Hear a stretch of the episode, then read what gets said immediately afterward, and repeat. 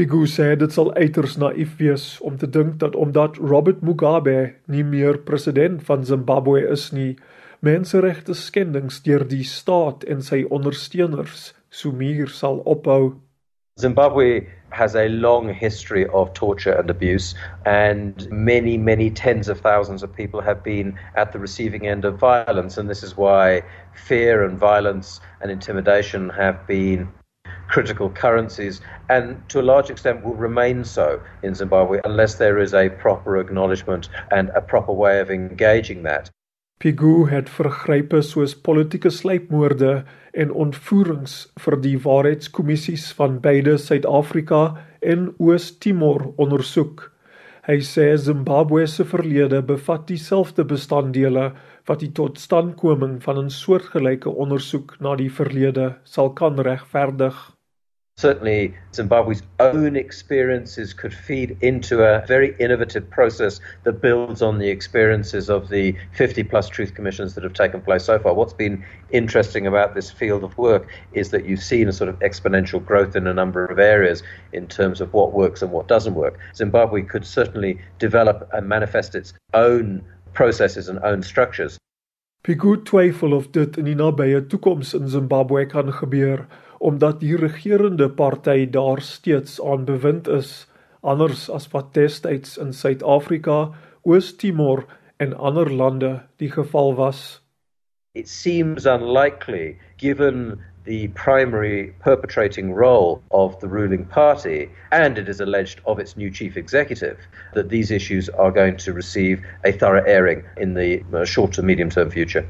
This is a huge concern going forward, and I think again presents an additional challenge in terms of any meaningful efforts to break with the past.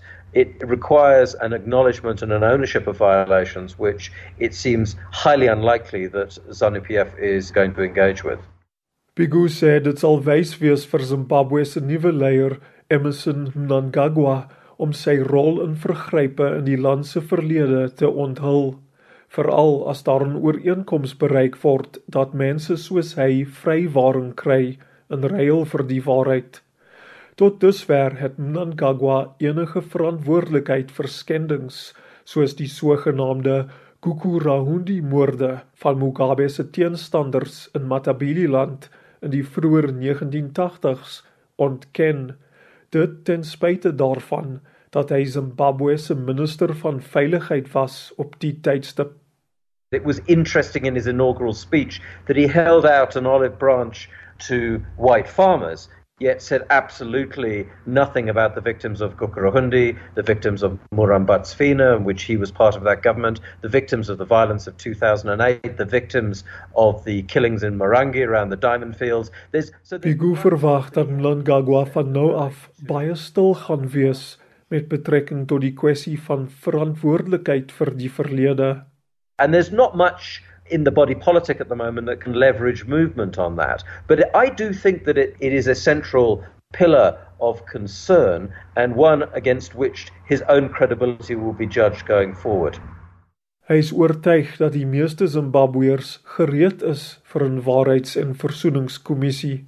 The first sort of transitional justice conference in Zimbabwe was back in 2001. So civil society and so have been discussing and chewing on these issues for a long time. And I think that bodes well for putting together in the future a well thought through process.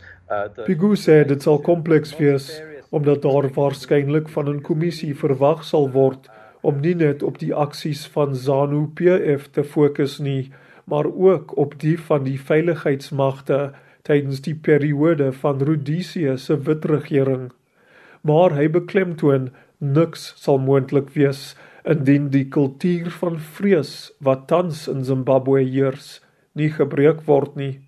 Will Mr Mnangagwa's new government be party to reinforcing those feelings of fear? Or will the kind of spirit that we saw break out during the 10 days or so that led to Mr Mugabe resigning will that spirit that's been sort of popped out of the bottle will they be able to force it back into the bottle? We simply do not know Wat ons wel weet, sê Pigu, is dat die nuwe regering geen tyd gemors het nie om dieselfde pad te loop as die Mugabe bewind.